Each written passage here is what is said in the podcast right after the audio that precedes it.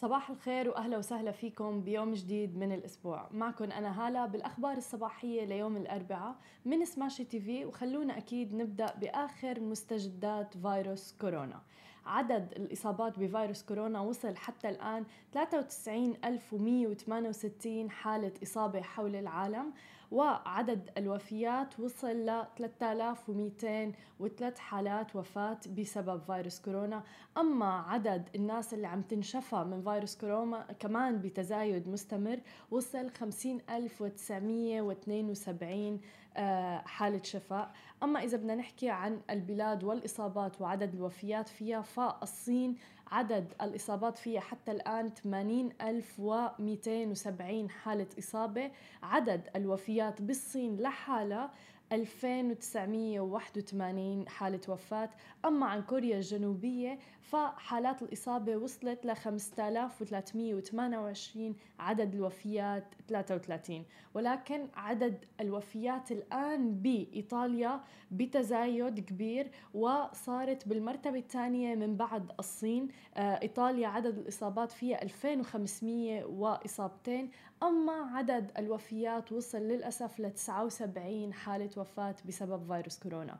من بعدها بتجي إيران 77 حالة وفاة وعدد الإصابات بإيران 2336 بينما اليابان ففيها 293 حالة إصابة 6 حالات وفاة وفرنسا 212 حالة إصابة بينما عدد الوفيات أربع وفيات.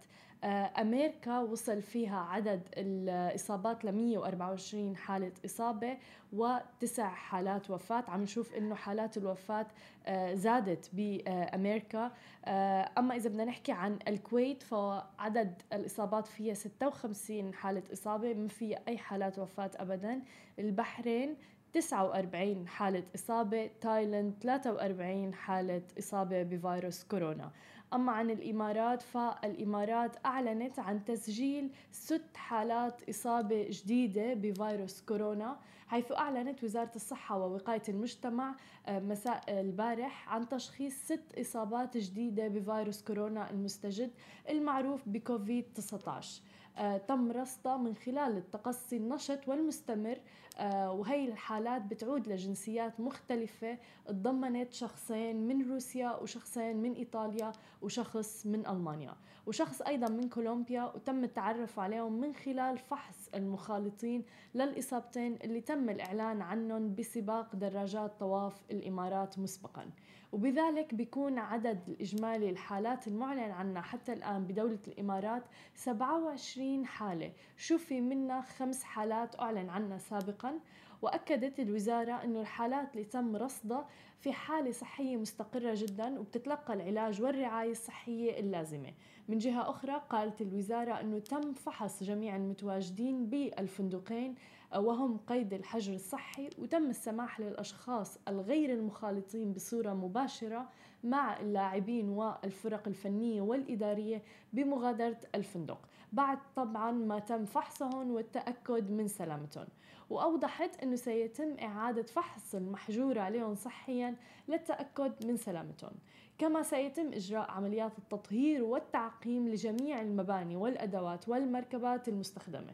ونصحت الأشخاص اللي بيعانوا من أمراض وأعراض تنفسية بتجنب الاختلاط في الأماكن المزدحمة والمجالس. كما نصحت الجمهور بأهم شيء وهو تقصي المعلومات من المصادر الرسمية وتجنب نشر الشائعات. وبدورة أعلنت وزارة التربية والتعليم عن تعطيل طلبة المدارس ومؤسسات التعليم العالي لمدة أربع أسابيع. حيث أعلنت وزارة التربية والتعليم يوم أمس عن تعطيل جميع طلبة المدارس ومؤسسات التعليم العالي الحكومية والخاصة كافة على مستوى الدولة بدءا من يوم الأحد المقبل ولمدة أربع أسابيع. وذلك في إطار الخطوات الوقائية والاحترازية لضمان الحفاظ على سلامة الطلبة وبما يتماشى طبعا مع الجهود والإجراءات المتخذة على المستوى الوطني. الرامية إلى الحد طبعا من الانتشار من فيروس كورونا كوفيد 19 وبدورة قالت الوزارة في بيان إلى أنه هذا القرار بصب بمصلحة الطلبة وبيجي كخطوة استباقية بتتماشى مع المستجدات الخاصة بمواجهة الأزمات والكوارث الطبيعية. وتوفير أقصى معايير السلامة العامة في المجتمع المدرسي.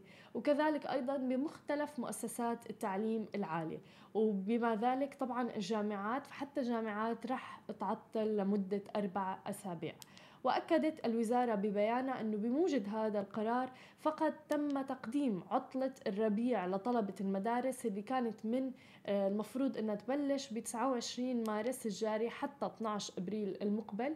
وعوضا عن ذلك أنها رح تبدأ من يوم الأحد المقبل على أن يتم العمل بمبادرة التعلم عن بعد بالأسبوعين الآخرين من الإجازة. وبذلك طبعا ضمان الاستمرارية العملية للتعليمية بالمنازل ودون المساس في عدد أيام الدراسة. بنتمنى آه طبعا من الجميع تقصي المعلومات درجة أولى من المصادر الرسمية فقط والوقاية أكيد خير من قنطار علاج. وأهم شيء دائما نحن بنأكد عليه وكل الدكاترة اللي استضفناهم بسماشي تي في حتى بيأكدوا على غسيل اليدين لمدة 20 ثانية بالطريقة الصحيحة هو أفضل طريقة للعلاج ومسح الأسطح لأنه عن طريقة بينتقل فيروس كورونا وغيره من الفيروسات والميكروبات الأخرى. هاي كانت كل أخبارنا الصباحية لليوم. بشوفكن الساعة تنتين ونص بأخبار مفصلة أكثر نهاركم سعيد. هاي كانت أخبارنا لليوم. تابعونا على كل منصات التواصل الاجتماعي اللي بتتعلق ب Smashi TV. وما تنسوا تنزلوا تطبيق Smashi TV على ال App Store وال Play Store. لتتابعوا آخر المستجدات أول بأول.